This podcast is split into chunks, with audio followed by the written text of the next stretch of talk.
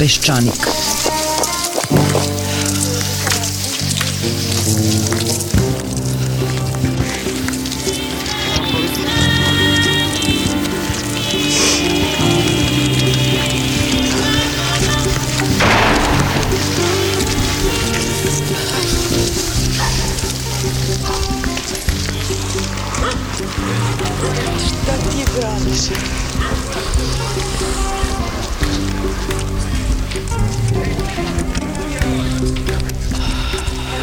Peščanik.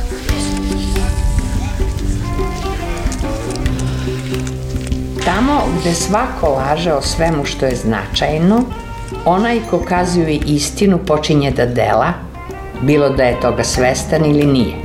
Tako se i on upliče u političku delatnost, jer u slučaju da preživi što nije sigurno, on započinje promenu sveta. Ne sećam se da sam ikada kao ove nedelje zainteresirala toliko ljudi uznemirnih zbog činjenice da ne mogu da shvate šta se zapravo dešava u državi. Kao da imamo dva šefa, jednog zaduženog za Angelu Merkel, a drugog za Sergeja Lavrova. Odnekud je nas učinsleto lobista Tony Blair kojim je izgleda Vučić zamenio Stroskana, Guzenbauera i ostale Nobelovce. Za to vreme u policiji vlada pravi rat, kažu ovi koji se to razumeju.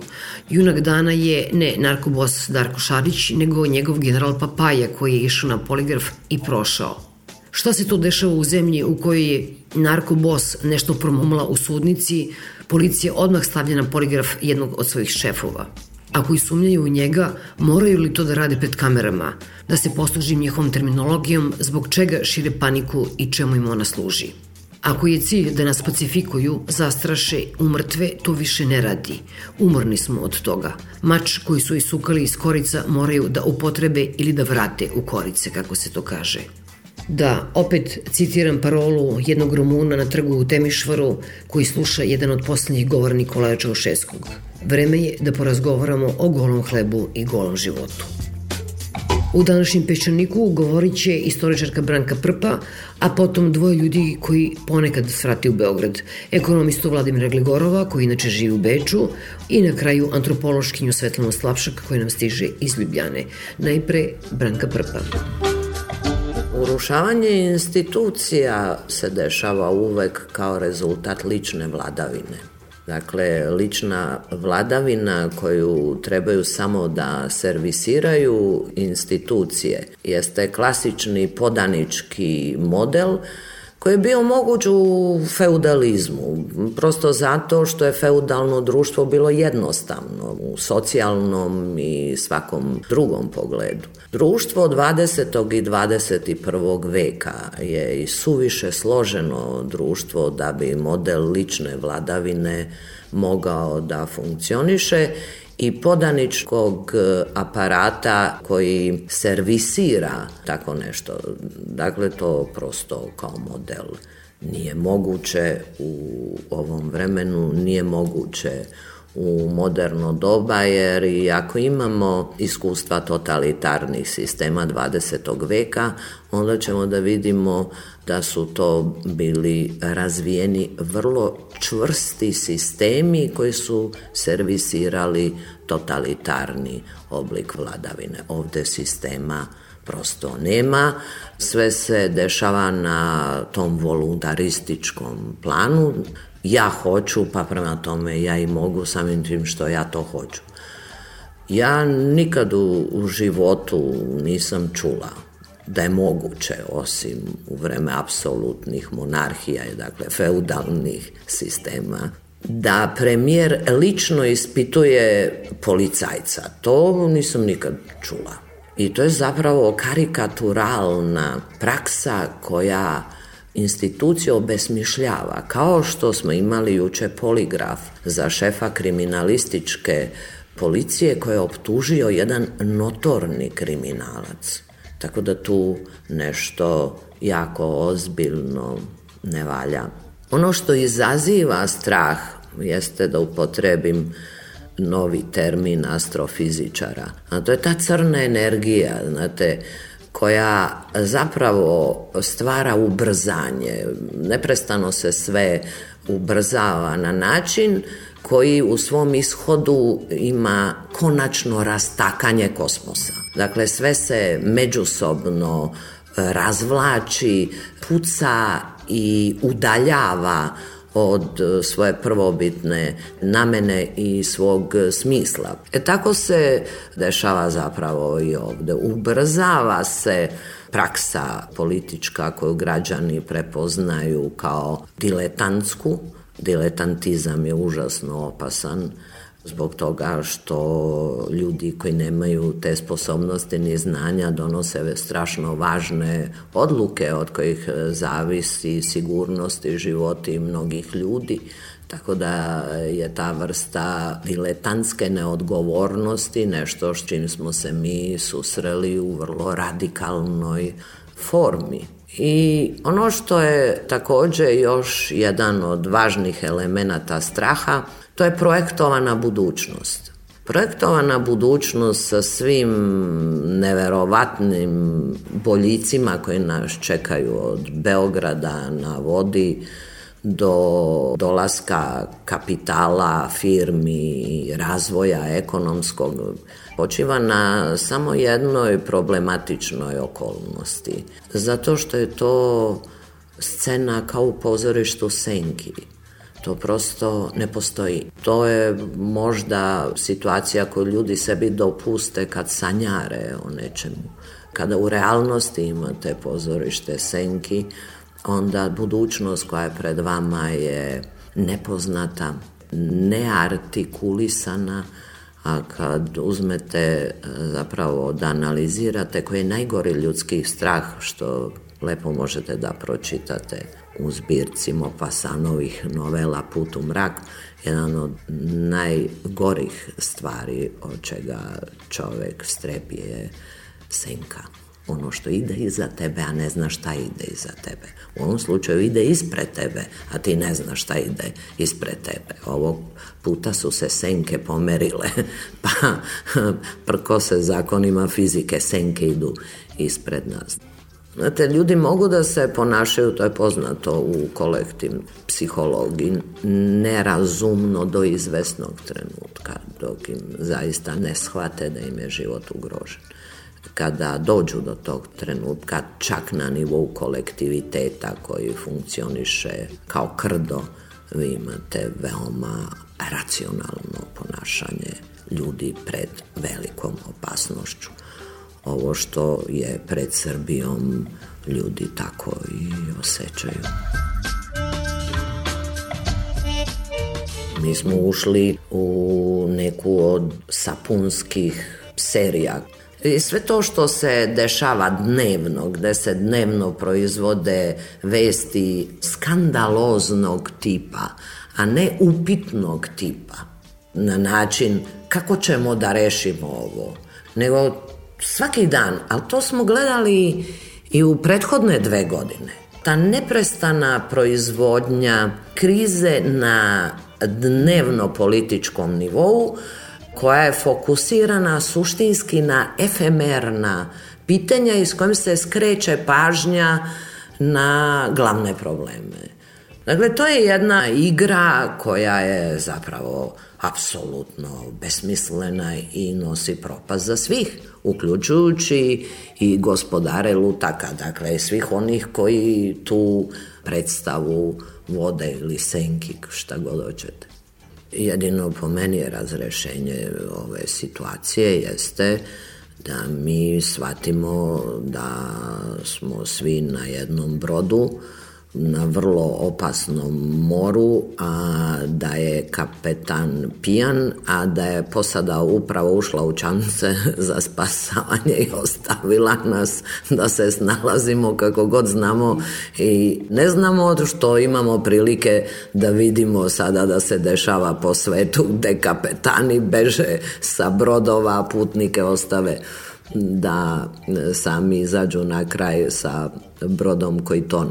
Mislim da je naša šansa u ponovom samoorganizovanju i definiciji vrednosti koje imamo kao društvo i država koje pripadaju određenoj civilizacijskoj matrici u kojem smo mi u kontinuitetu. Nismo mi ispali iz te civilizacijske matrice pa sad treba neko da nas podučava.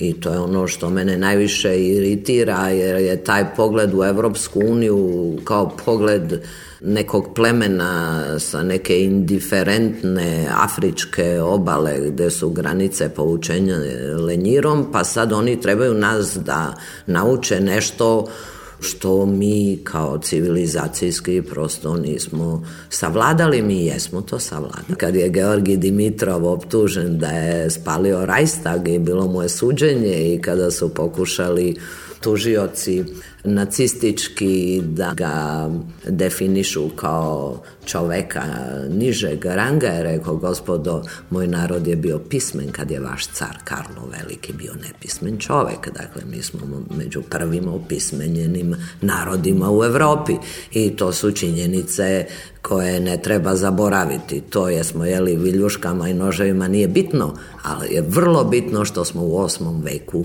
opismenjeni. Dakle, postoji jedan civilizacijski proces kojim smo mi imali svoje uspone i padove. I, dakle, mi moramo da se prisetimo šta su to naše vrednosti, moramo to da radimo na individualnom i kolektivnom planu. Na ovo više ne sme da se sleže ramenima jer zaista će ovo značiti ko u srednjem veku nestajanje svih institucija i samo zaborav koji vodi onda u potpuno nestajanje sa ovih prostora. E to sebi ne smemo dozvoliti, mi imamo još uvek mnogo s obzirom na sve okolnosti koje smo preživeli proteklih decenija. Dovoljni broj sposobnih ljudi, dovoljni broj kreativnih ljudi, dovoljni broj mislećih ljudi, dovoljno sposobnosti da se samoorganizujemo, da branimo institucije, da stvaramo i sobstvene institucije, da alterniramo institucije koje smatramo da su prestale da vrše neku funkciju zbog čega su i stvorene. Dakle, ta, ta prostor građanskog, e, odnosno civilnog samorganizovanja jeste prostor koji mora sada ponovo da se osvaja. Kad je čovek sam, on u odnosu na državu nema nikakve šanse. Ali čin je tu grupa, onda te šanse se povećavaju. Evo sad ste videli oko slučaja ministra Stefanovića i njegovog doktorata. Vi imate već, to ste u ostalom vi pokrenuli sa analizom nekoliko stručnjaka, to je pokrenulo celu jednu javnu raspravu, ali sada već institucionalnu strukturu koja arbitrira i traži da arbitrira u ovom slučaju. Dakle, to su sada već ozbiljne posledice nečega što se lakonski odbacilo kao glupost. Znači, taj lakonski stil možete vi da upotrebljavate sve do trenutka, dok s druge strane nema ko da vam kaže ne, to nije glupost. I mi imamo argumente s kojim ćemo da dokažemo da to nije glupost. Dakle, ta vrsta e, samoorganizovanja u kojem se zapravo brane civilizacijske vrednosti koje su dostignute ne treba niko da nas nauči koje su te. Mi ih znamo i u ovoj zemlji se primenjuju već 200 godina. Dakle, Srbija je zemlja koja 200 godina ima institucije ovog tipa, a od 905. ima Beogradski univerzitet. To je preko 100 godina univerziteta to nije baš nešto što ćete moći da e, ignorišete kao činjenicu. I sigurno, s obzirom da je vrlo pažljivo gradila svoje visoko školstvo od visoke škole pa do Beogradskog univerziteta, da je stvorila jedan vrednostni sistem u kojem se zna šta je šta Prema tome, neće nama niko sada objasni naknadno, ni megatrend, ni bilo ko, jeli, od novo komponovanih univerziteta i visokih škola, šta je to? A da ne govorimo o hiljadugodišnjoj tradiciji univerziteta Evrope. Dakle, eto, to su sve načini kojim se osvešteno društvo, koje čine osvešteni pojedinci, bore za svoje polje slobode i bore da očuvaju civilizacijske vrednosti koje su dostigli ne oni, neg njihovi dedovi.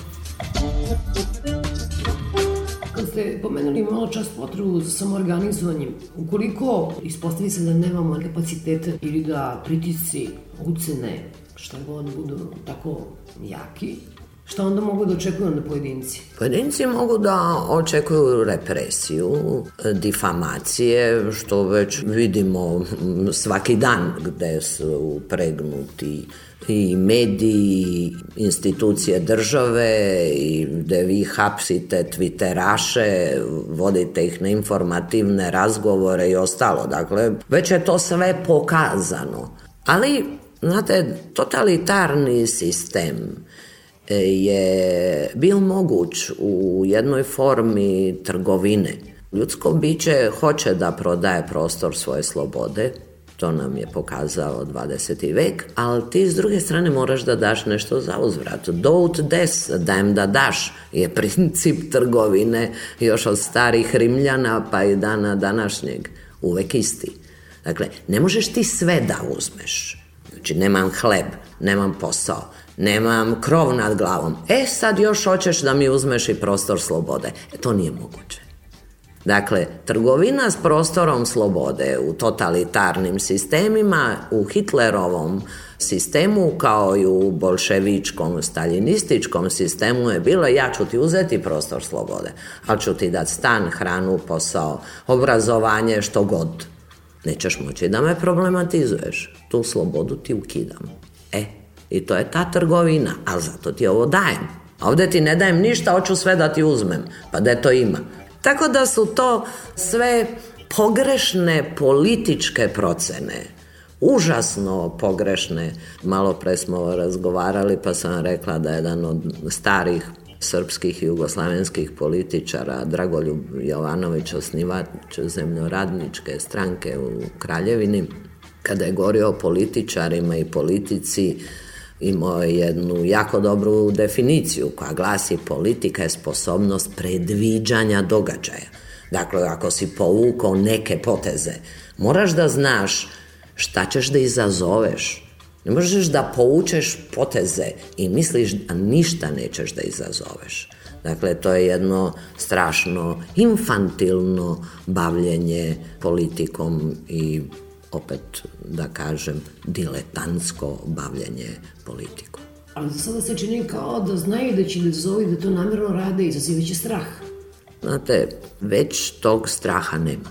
Ja ne vidim nigde strah kod građana, osim revolt To je dakle, ono što se vidi. Strah ne vidim. Ne vidim ni čutanje. Ne možete da uđete ni u samoposlugu, ni autobus, ni da šetate ulicom, a da neko ne skida sa neba sve one koji su se ustoličili tako da od oblaka više zemlju ne vide. To je prosto jedna opšta pojava, ja taj strah ne vidim uopšte i mislim da ga ima sve manje i manje i da je vladavina strahom potpuno pogrešan oblik vladavine koji nažalost po pravilu u istoriji nosi veoma ozbiljne posledice po svakoga i po aktere takve vlasti, kao i na posledice za one kojima se pokušava na taj način vladati. Najmanje što nam sada treba jeste da uđemo u nihilizam svakodnevnice gde sutra ne postoji, to kidanje ideje budućnosti sebi nikako ne smemo da dozvolimo. Da sad potpuno ostavimo Vučića sa strane. Evo ga, Pitanje univerzitetskog obrazovanja. Kako se to desilo u protekle dve i po decenije? Da se taj vrednostni sistem izgubi? Šta se to u stvari desilo? Ne samo s megatrendom, neko i s Beogradskim univerzitetom. Nama se desila devastacija visokog školstva, devastacija nauke, nama sudovi presuđuju u oblasti historiografije. Nama treba jedna velika rasprava o nama samima, a ne o Vučiću, a ne o Stefanoviću, a ne o megatrendu, o nama. Znate koliko ima plagijata? na Beogradskom univerzitetu. Ko se time bavio ikad? Niko. I megatrendi i ovaj doktorat su samo vrh ledenog brega jedne prakse koja postoji u zadnje dve decenije sigurno. Da je da vidimo šta je to što se zapravo nama desilo. To je prvo kreni od sebe, pa prvo vidiš šta je to što ti radiš, šta je to gde si sve grešio, šta je to s čim si napravio konformistički kompromis. Ja ne znam da li postoji primer gde toliko loše živiš već decenijama, a konformista si u tom strašno lošoj formuli života. Pa ja razumem kad si konformista u jako dobroj formuli života, pa ne bih hteo baš to sve da ostaviš, jel, pa da se nađeš ono što bi reklo licem u prašini. Baš nije zgodno ali živeti ovako loše i biti konformista u tom lošem je malo, kako da kažem, stanje jedne ozbiljne nerazumnosti. Dakle, to su po meni stvari koje zahtevaju našo, evo sad je sam univerzitet u pitanju i nauka i sve ono što je sad inicirano jednim dnevno-političkim događajem. A zapravo pokazuje, da se ne ponavljam, kapacitet društva da tome krene da razgovara. Mi o tome moramo da razgovaramo. Kako nam deca glavinjaju po tim univerzitetima. Kako ta deca da bi doktorirala pošto nemaju novca rade besplatno kao asistenti na Beogradskom univerzitetu. Da mi imamo mobbing da imamo na kraju krajeva i ovo što možemo nazvat mobbingom državnog činovništva ko to tebi može da na tebe urla dere se viče jesi li me razumeo Gde to može? Može samo onda gde se dozvoli. Evo sa pitanje, izvini, a što si dozvolio? A ono što se može videti s pozicija aktuelne vlasti jeste što oni upravo pokušavaju da te uvedu u taj model koji je loša beskonačnost, ali ćeš ti iz nekog konformističkog razloga, već sam objasnila, nema uopšte razloga za konformizam u takvim situacijama na to da pristaješ. E to je nešto što mi sami sebe treba da upitam. Ne trebamo da pitamo Vučića, šta će nam Vučić tu, nego se izvini zašto ti dozvoljavaš Vučiću da on na tebe urla. Ja to tebe pitam, ne Vučića. Eto, to je ono što ja smatram da će početi da se događa, uh, To je sad nezaustavljivo, to prosto mo, mogu se sada ponovo bilo kakve iluzije plasirat, može se sad posle Beograda na vodi da izmisli šta god hoćete na vodi ili kopnu, ali da zato prosto nema argumenta više. Zemlja je u jako lošem stanju, nek nam kažu da li ćemo ove zime imat grejanje, hoćemo imat struje, odakle? Ja Razumem da nećeš ni da plašiš stanovništvo, da ne izazivaš paniku i ostalo, ali onda mi kao država pokaži da ćeš da se organizuješ tako, da ćeš tu vrstu problema da rešavaš. A onda ako hoćeš, mene ćeš da pitaš da li ste ti, ti, ti, svi vi spremni da pomognete da izađemo iz ove situacije. Ono će reći da jesam i svi drugi će reći da jesmo i onda ćemo imati ono ko što su radili ljudi u poplavama. Ali ne možeš sigurno pozvati ljude da se dođu da autobuse ispred arene, onda ih u šapcu iskrcati iz tih autobusa i da oni ne znaju ni deče ni kuće. Pa ne možeš tako.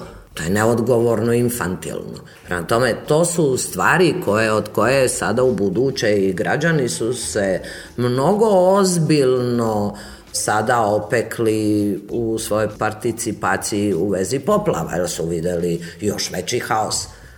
Ne može država da funkcioniše bez ljudi od znanja, da si Jovan Zlatousti. Ako ne znaš da radiš taj posao čoveče, ne znaš da ga radiš. Pozovi ono ko zna to da radi. Pa nek radi taj posao. A ti se ne mešaj.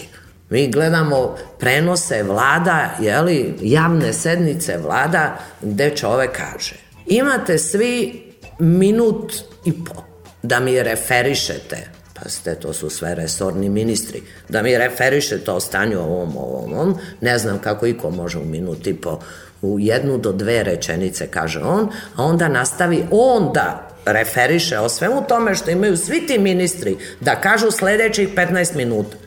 To je ta jedna opereta, ne znam šta je to, predstava koja se odvija, gde vi shvatite da tu niko u stvari ne zna ni šta se radi, ni kako da radi, ni hoće da radi, neće da radi, ko je koga ovlastio, ko koga nije ovlastio, tako da ne može niko, jer sve, sve je paralisano, svi čekaju što će vođa da kaže. A slušajte, država je suviše složeni mehanizam da ti čekaš na jednog čoveka da ti on kaže, rekla sam u feudalizmu, može, niti je bilo bolnica, ni puteva, ni nasipa, ni vodoprivrede, ni električne struje. Bio kmeti, bio feudalac, živiš dokle živiš, dok te neka bolest e, ne spopadne, onda po Evrope nestane u epidemijama i to je bio taj tip života. Dakle, mi moramo da vidimo šta ćemo sa sobom u ovakvoj budućnosti, mi moramo da vidimo kako ćemo da pitanja koja pritiskaju ovo društvo i državu da rešimo, isto tako mi moramo da shvatimo da ono što gledamo jeste nešto što smo sami proizveli. Nije se samo proizvelo, nek smo mi odgovorni za to što je to tamo gde se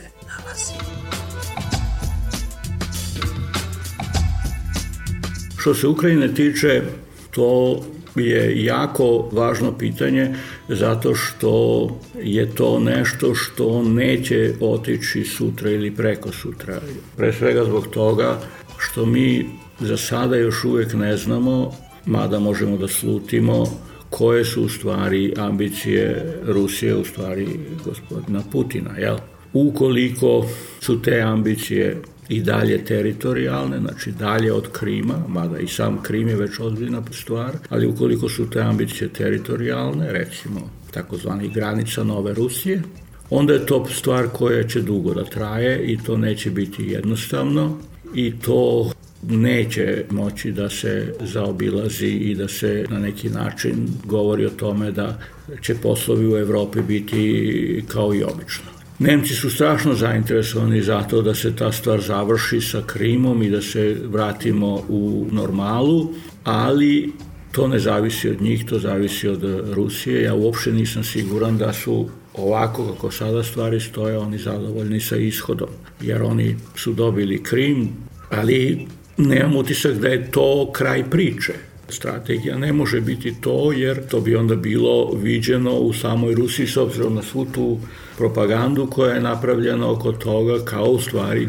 poraz, ne kao pobeda. Ako bi to se nastavilo, a nemam, ne vidim zašto bi se to nekako promenilo, onda je ta stvar veoma, veoma ozbiljna, jer onda ne mogu da se uspostave nikakvi normalni odnosi u Evropi, jer to nije ni Kosovo, ni Republika Srpska, to je dosta osetljiva stvar, to je ogromna zemlja, to je jako veliki broj ljudi. Oni su spremni da se bar jedan deo njih da se tuku, tako da tu jedan produžen sukob.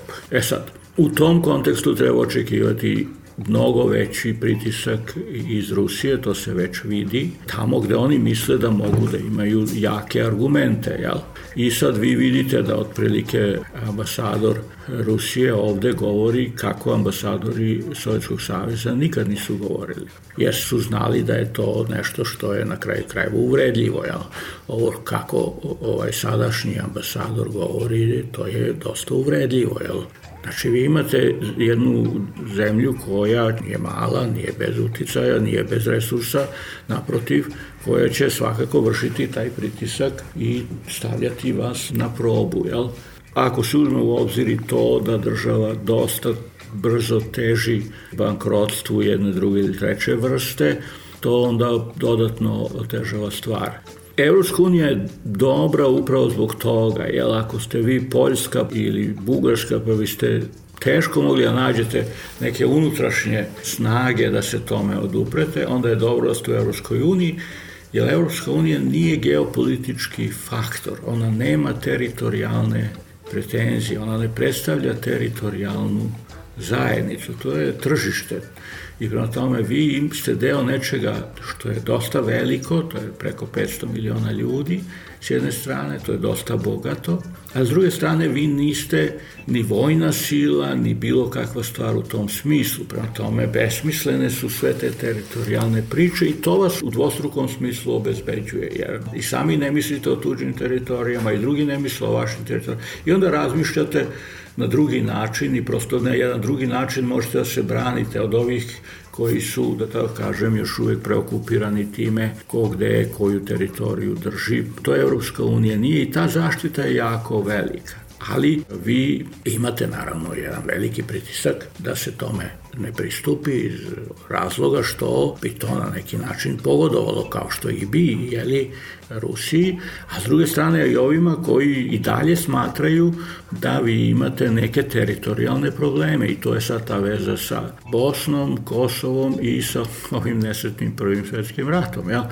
Znači vi imate ove koji dalje žele da drže te stvari otvorene. Lako ste jednom u Evropskoj uniji. To je recimo problem za ove ljude u Hrvatskoj koji možda imaju neke ideje u vezi sa Bosnom, ali ako ste vi deo Europske unije, vi te ideje u odnosu na Mostar više ne možete da imate na taj način. Možete da razmišljate o, o trgovini, možete da razmišljate o pomoći, možete da razmišljate na više načina, ali ne možete da razmišljate o tome da to parče zemlje uzmete i preselite iza svoje granice. To prosto tako nije moguće, jel?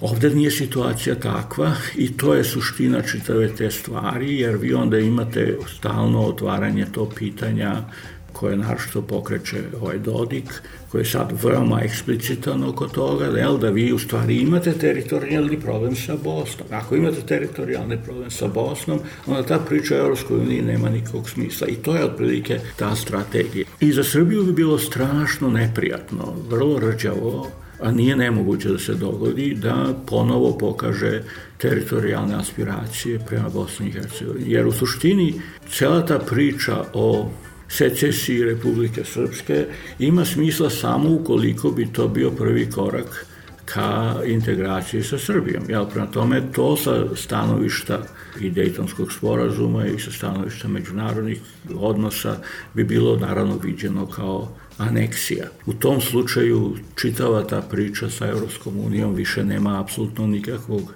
smisla. Tako da je ulog tu dosta, dosta veliki. Nisam do kraja siguran da se oni u tome snalaze, pre svega što su i pritisnuti finanskim problemima, pritisnuti su i ideološkim problemima, pritisnuti su i obavezama, verovatno, koje su u nekom trenutku preuzeli, veliki deo toga verovatno mi i ne znamo, i taj deo sad ima svoju neku ulogu. I tu sad vi vidite da odjedan put se ta tema koja je potpuno izmišljena, da postoji nekakva zavera da se promeni ocena koja prvo ne postoji, ja, da se promeni ocena o tome ko je šta radi u Prvom radu. Znači to je jedna potpuno izmišljena afera i to je nekako sada došlo do toga da sad se raspravlja o tome je li da neko hoće je li da ne znam promeni kvalifikaciju Gavrila Principa. Mislim to je besmisleno. Či znači, vi sad imate jednu potpunu politizaciju istorije i književnosti, jer to se sve događa u Andrić gradu. Ja tu politizaciju Andrića apsolutno ne mogu da razumem da ipak u ovoj kulturi nema nikoga da kaže da to nije u redu. E sad imate ove političare koji su rešili da nije dobro, a gde će drugde da se proslava država nego u Sarajevo, mislim, dobro, ima i drugih mesta po drugim povodima, ali na ovom Balkanu to je tu, jel? To nije dobro za nas ovde, to nikoga u Evropi potresti neće, niti će to da odjekne Motivacija je tu po mom mišljenju sasvim ispravna, da, ovaj, kao što je u slučaju drugog svetskog rata. Zašto se oni zajedno sa Nemcima skupljaju u Normandiji? Ne zato da bi rekli da su u Nemci ovaj, se iskrcavali zajedno sa Britancima i Amerikancima protiv samih sebe. To je besmisleno. Oni se tu skupljaju jer hoće da kažu mi hoćemo da živimo u miru. I to je otprilike isto prema Prvom svjetskom ratu. Znači vi imate saista razloga da se skupite svi zajedno da kažete ovo mi, brate, više nećemo, sad imamo nekakvu zajednicu u kojoj želimo da živimo zajedno, pa sad ona je takva kakva jeste, jer smo mi takvi kakvi jesmo, ali bar se nećemo tući. Sad vi u tomu uvodite nekakvu priču o tome da neko nešto hoće protiv Srbije i da je to u stvari zavera američko-nemačka sa nekom kolaboracijom Britanaca, jel, kanadsko-australijskog porekla. Mislim, to je Neprijatno je to za nas koji to moramo da trpimo kao građani ove zemlje. E sad to je to pitanje koliko ljudi ovde u Srbiji zaista tako misli. Vi ste imali isto takvu predstavu koja je pravljena oko Kosova. Ako se krene sa normalizacijom Kosova, gotovo.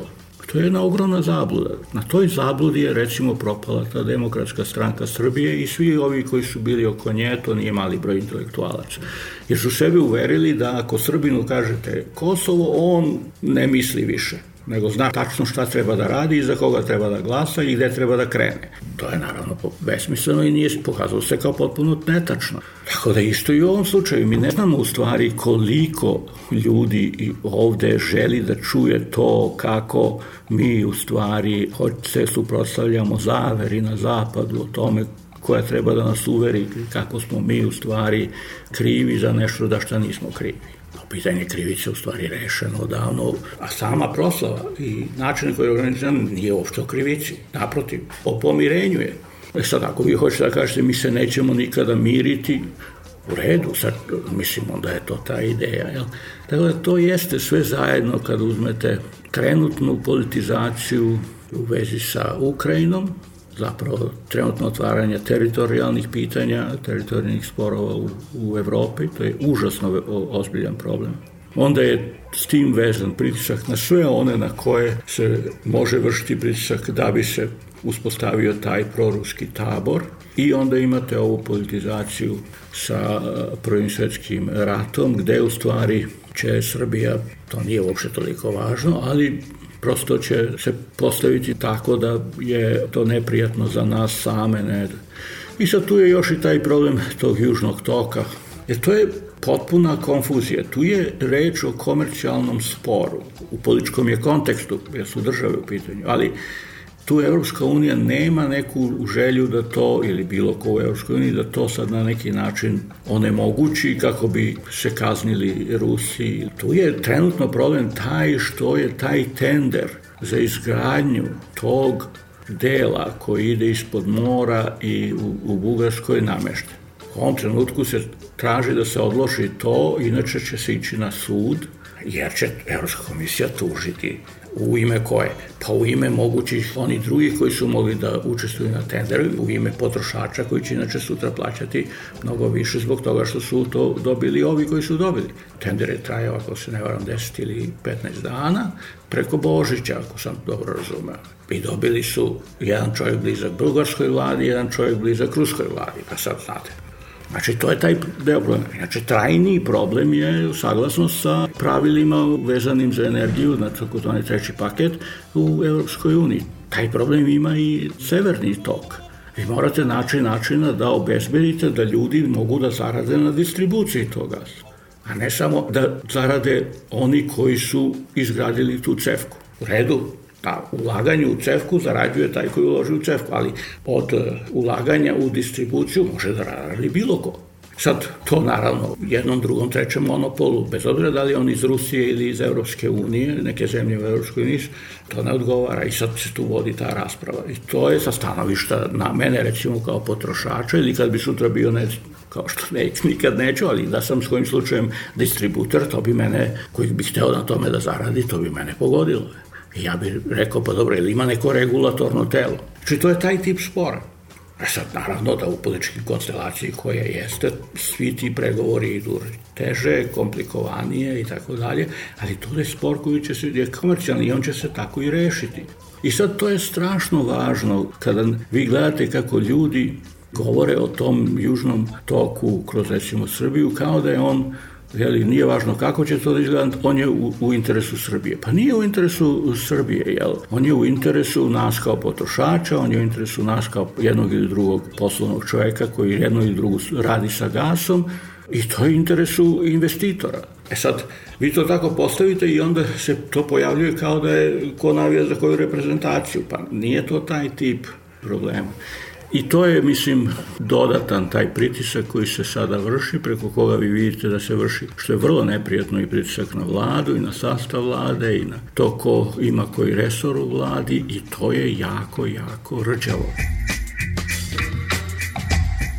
Ako ova vlada zapadne u tako nemoguće teškoće ekonomske, bankrot, nije rešila mnogi od te stvari koje ste rekli, Ja se sve plašim da će jednog časa Rusi moći da kažu, odnosno Putin, kao što su tada rekli Janukoviću, evo ti 20-30 milijardi ili koliko vama to treba, da... Dajte da vam kažem, ja razumem vaše pitanje. Ja mislim da je opasnost mala. Zašto? Zato što je dobit sa ruske stačke gledišta mala. Ukrajina je nešto drugo. Jel, sa stanovišta Putina ovo sa Ukrajinom je jako važno zbog toga što on je imao problem legitimnosti s obzirom na to kako je došao treći put na to mesto, ima je ozbiljnu opoziciju i tako dalje, on je sad to sve skrenuo na jedno pitanje koje je zaista relativno lako prodati jednom delu ruske javnosti, ne toliko ruskim privrednicima i ne toliko ruskoj inteligenciji, većina tih ljudi, velika većina tih ljudi se osjeća neprijatno zbog svega ovoga, ali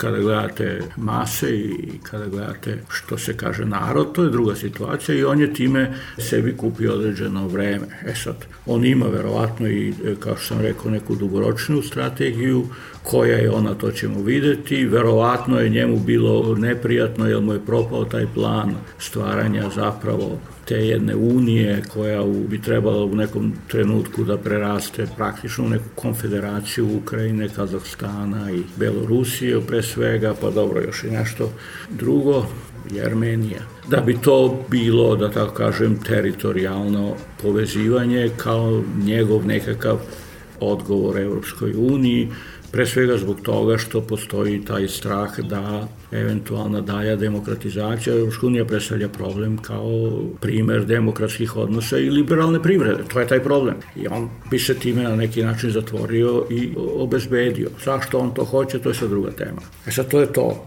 I taj ulog može da vredi 15 milijardi evra, ali dolara, možda i više. On je tamo napravio veliku grešku zbog toga što nije procenio Do koje mere je došlo do tog shvatanja u javnom mnjenju u Ukrajini zašto Ukrajina ne može da bude kao Poljska? Jer to sam ja i kod vas pisao, ako idete 89. Da 90. Da Ukrajina i Poljska su bili na istom nivou razvoja, ako uzmete BDP po glavi stanovnika, a u stvari po mnogim drugim karakteristikama Ukrajina je bila daleko naprednija, jel? Sad kad gledate 25 godina kasnije, je li Ukrajina je jedna strašno siromašna zemlja, Poljska je jedna vrlo napredna zemlja. I sad ako ste vi u Lvovu pa i u Kijevu, vi se pitate zašto Ukrajina nije kao Poljska? I e onda vi imate tvorenje da je Poljska to što jeste danas zato što je pristupila Evropskoj uniji. Sad, koliko je to tačno, to je druga tema, ali to je percepcija, to je političko stanovište. I sad vi kažete kupit ćemo zemlju za 15 milijardi, pa to tako ne ide. I vi ste videli šta ste dobili, jer onog časa kada je to urađeno, ipak nekog dostojanstva tamo ima. Kakvi su svi ti ljudi ideološki, to je sad druga tema. Znamo tačno kako izgleda ta istok, u osnovom znamo kako izgleda Balkan, prema tome da ne pričamo o tim stvarima civilizovanost je nešto što tek treba da dođe, ali to je tako. I sad vi imate, znači taj ulog je velik, e sad imate ono naravno opet uloge veliki ukoliko vam to propadne, pa to na neki način morate da nadoknadite i sad imate tu neku ideju ono o Rusiji, da kažem istorijskim granicama Rusije, to sve znamo iz naše istorije, šta to znači i kako to, inače jako puno liči na ovo kako se to dešavalo u Hrvatskoj na početku, pa posle u Bosni i tako dalje. Sve je to manje više isto, jel? samo su igrači veći i uloge veće ništa slično ovde nema šta Srbija da ponudi. Prema tome tu je milijarda veliki novac za ono šta se tu može dobiti. Tako da ja ne verujem da će od toga biti išta. Pored toga, dug je na drugoj strani. Vi već imate dugove prema Rusima. Oni ne moraju ništa da vam daju, mogu da samo preuzmu sve to što vi mislite da je vaše, a u stvari je njihovo jer je dug tu, jel? Tako da je to, ja mislim, mala šansa, kogoda da računa sa tim, da će od Rusa da dobije neke velike pare, jer u suštini niko pare ne daje za čabe. Samo zato da vi kažete mi Rusi 200 miliona, to ne znači ništa u, u novčanom smislu. Tako da ja ne vidim od toga velike ni nade, ni opasnosti.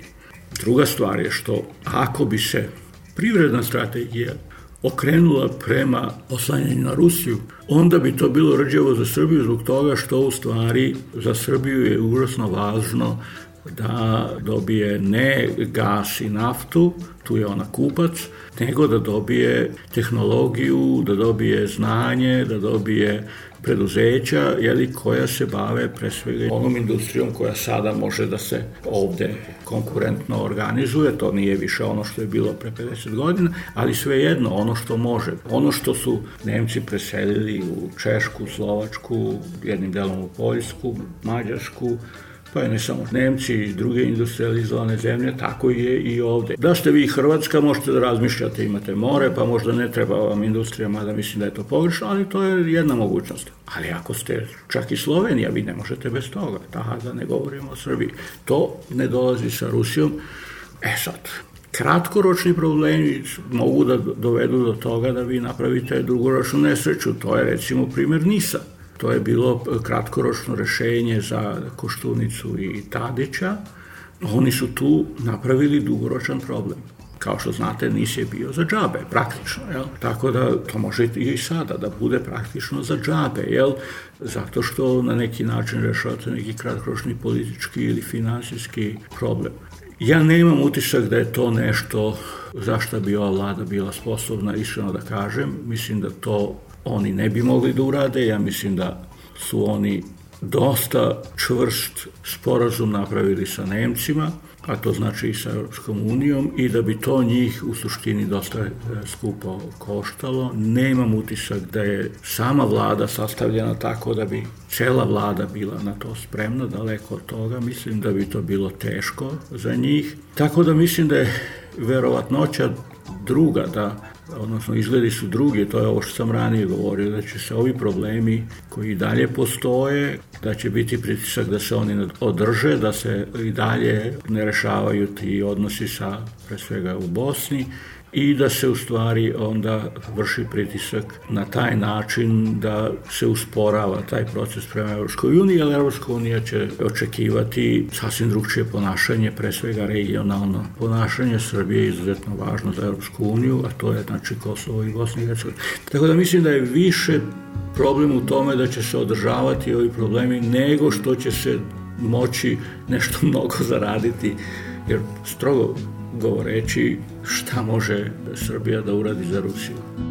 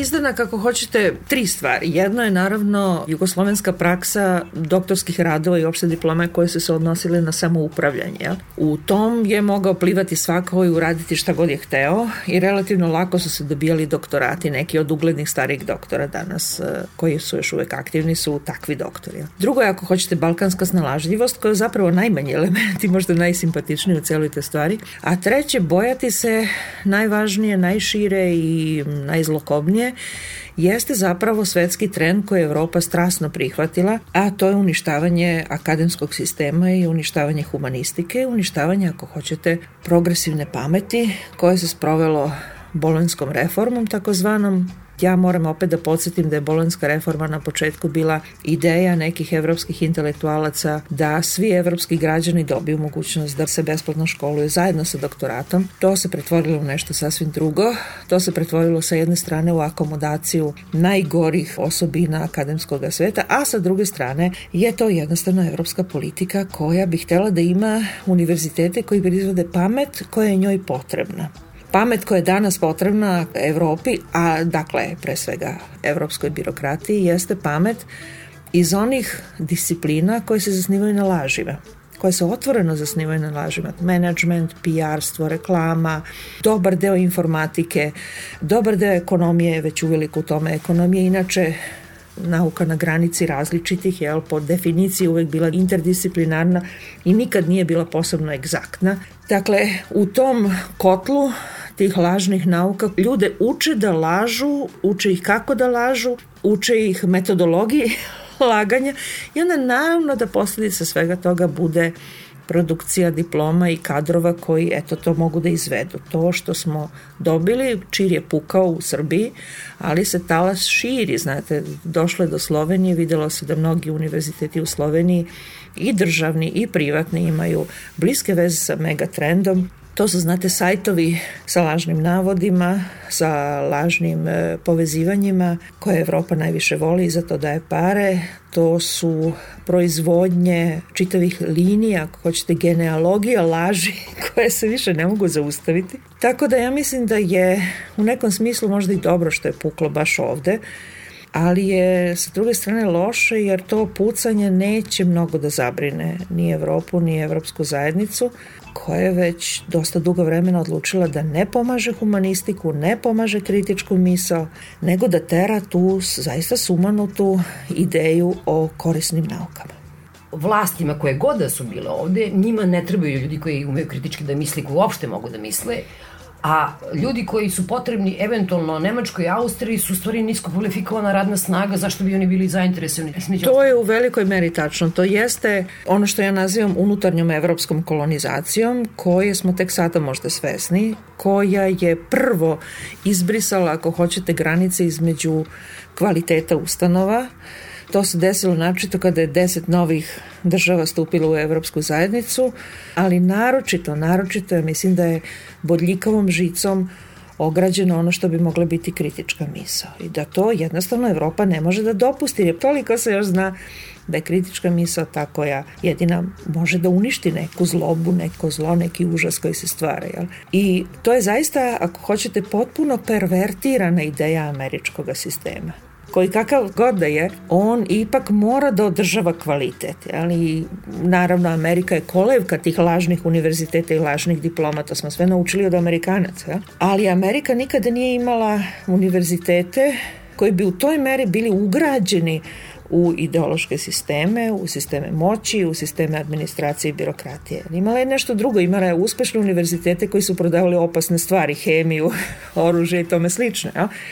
ali nije imala ovo. No, Evropa je tu postala velika, rekli bismo, konkvistadorka duha i zapravo je svojim propisima i svojim ponašanjem začepila evropsku kritičku misao. Sa sasvim jasnih razloga zato što bi ugrozila vladavinu evropske birokratije. Kažem, mi ne možemo se u krivicu baciti na Evropu. Ima neku ulogu, ima i onaj folklorni, veseli, balkanski duh, jeli koji svuda nalazi rupe kroz koje može da se provuče, ali nije čak ni to toliko strašno koliko je strašna usaglašenost mnogih elemenata da se prosto laž promoviše kao nauka i da se uništi kritička misa.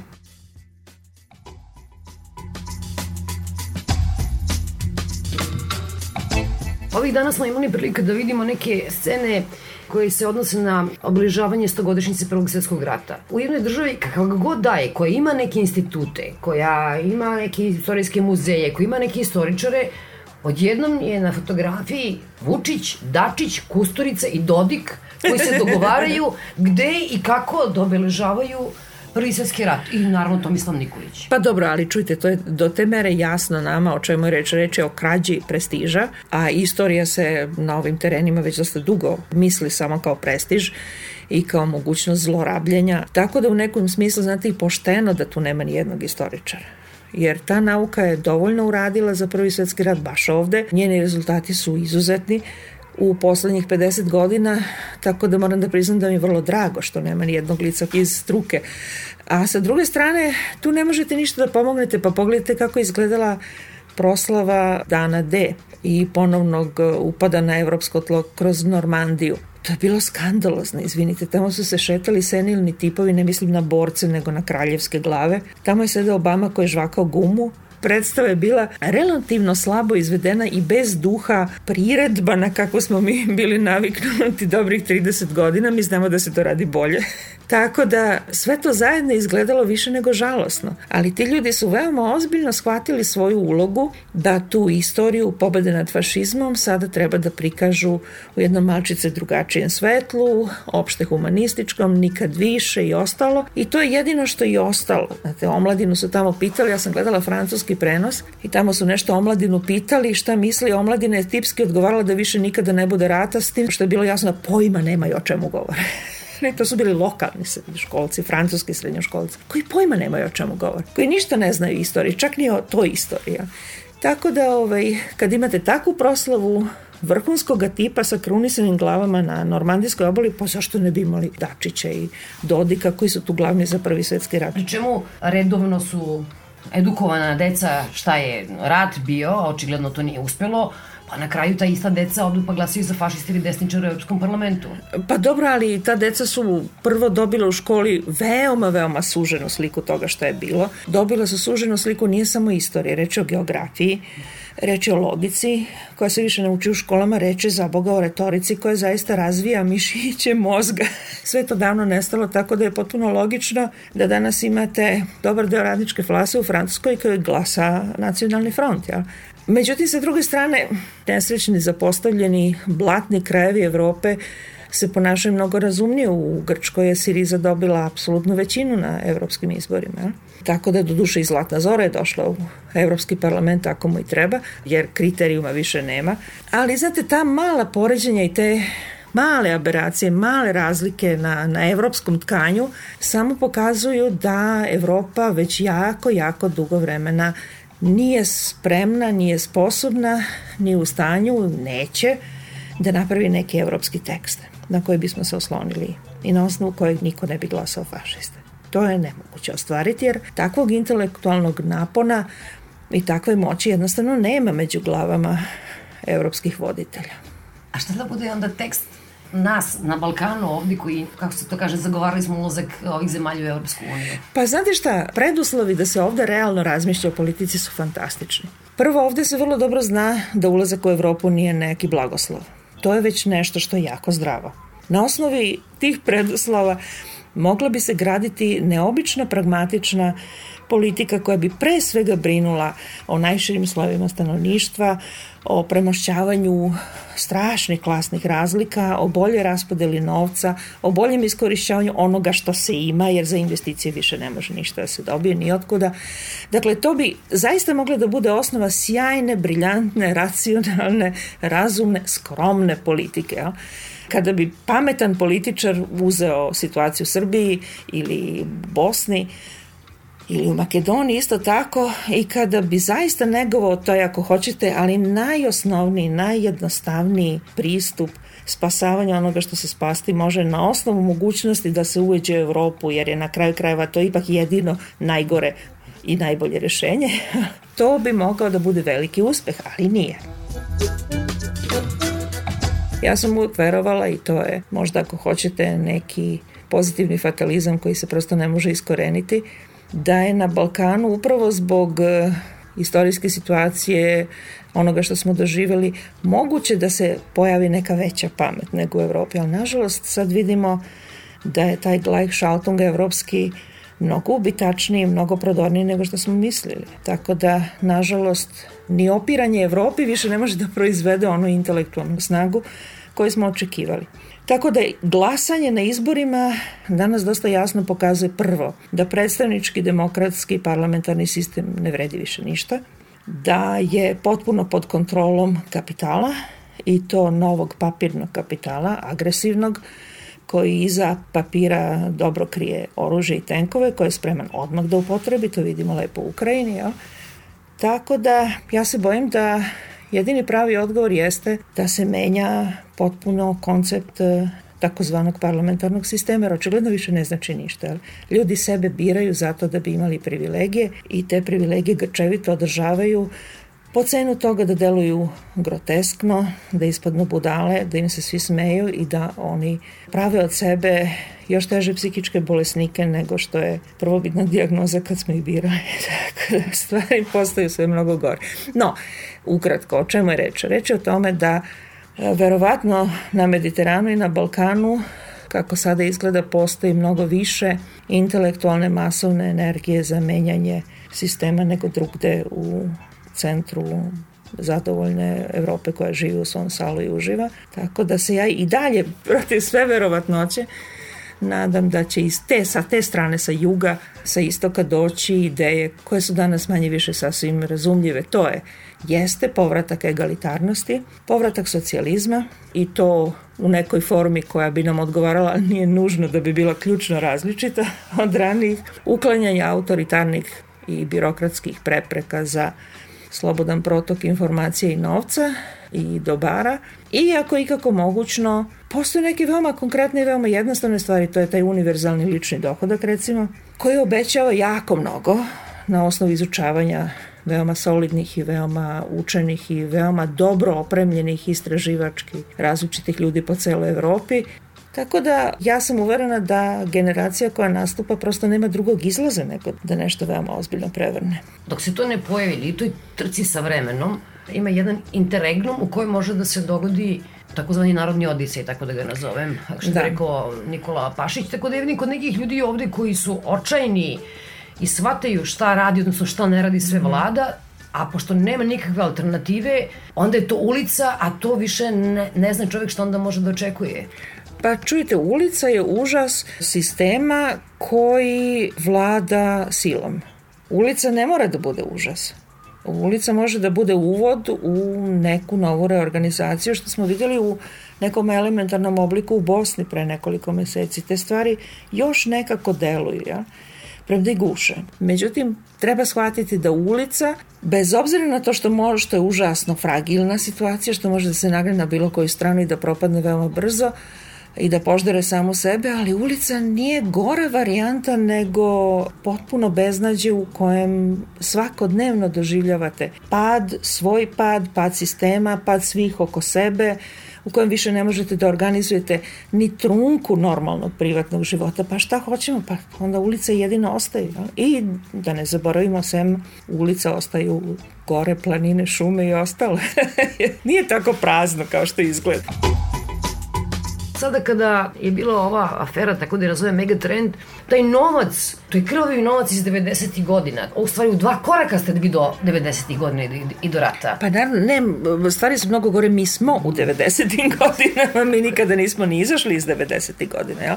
Samo što su se, ako hoćete, te ljuspe, pljačke, maske, štras, ogrtači, malo su se skinuli, pa smo onda videli golo i najstrašnije. Ali inače, stvari su potpuno jasno tada utvrđene, jasno su utvrđena pravila, na nažalost, i za sebe moram to da kažem, većinom ih nismo tada ni dobro videli, ni dobro analizirali. Mi smo videli zločine, videli smo nepravdu, videli smo zaklopljivanje nacionalističko i drugo, pre svega nacionalističko, ali nismo videli te perfidne pokrete koji su zaista do kraja uništili. Znate, pejzaž od Soluna do Beča je pejzaž potpunog očajanja, potpuno razrušen i kad vidite kroz zemlje u kojima je temeljno od početka do kraja svaka industrija uništena. I mi govorimo o eksploataciji. O kojoj eksploataciji mi to govorimo? O jednom sasvim novom tipu eksploatacije. Zašto ga nismo na vreme primetili? Zašto ga nismo odmah analizirali?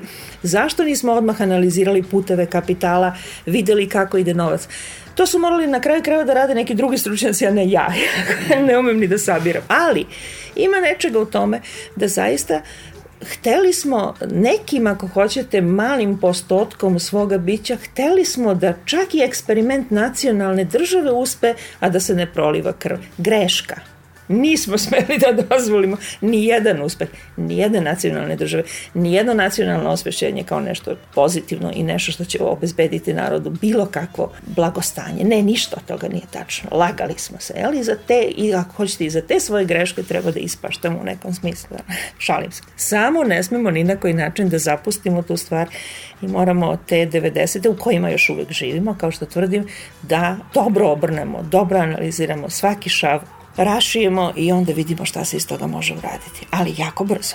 Skoro smo bili zaboravili krvavi klovna Vojislav Šešeljić, jednom Pa da, taj čovjek je bio u Hagu i možda će sutra da sleti na Surčinski aerodrom. Pa znate šta, to izgleda kao paralelni svet. Ali taj paralelni svet nekakve male Srbije u kojoj se dinastije međusobno kokaju i kumovi skidaju jednim drugima glave, je nešto što nije moralo da se desi, nešto što još uvek ne mora da se desi. Šešelj će doći na Beo, sleteti na Surčin i skidati glave jedino ako to zaista narod dozvoli. Njega će verovatno pustiti iz Haga posle dogovora, verovatno će ga ljubazno zamoliti da ode, verovatno će u nekom trenutku prihvatite da ode pod određenim uslovima, ali njegov dolazak ne bi smeo da bude nastavak tog totalnog, ako hoćete, pada Haškog suda, tog neverovatnog licemerja koje se razvilo, neverovatnog tipa dam tebi, daš meni, postupaka, potpune amoralnosti koja je zavladala, to bi neko odavde trebalo da spreči, jel? Najbolje je na surčinu. Nije gotovo, on je otišao dobrovoljno. Zašto je otišao dobrovoljno? Pre kog događaja je otišao dobrovoljno i sa kojim planovima otišao dobrovoljno je drugo pitanje. Verovatno njegov osnovni plan bio da sleti na Suči mnogo ranije u helikopteru, ja? ovako će nekih deseta godina kasnije, ali sa istim namerama. Jel? Tako da ukoliko nismo u stanju da progledamo za tih 10-15 godina, onda zaista i zaslužujemo svi zajedno da Šešelj dođe na Sučin ovenčan slavom, i da na narodnim rukama se vrati u prostorije iz kojih će vladati.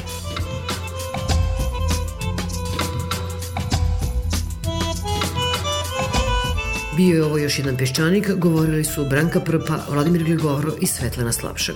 Pozdravljaju vas Svetlana Vuković i Svetlana Lukić. Doviđenja.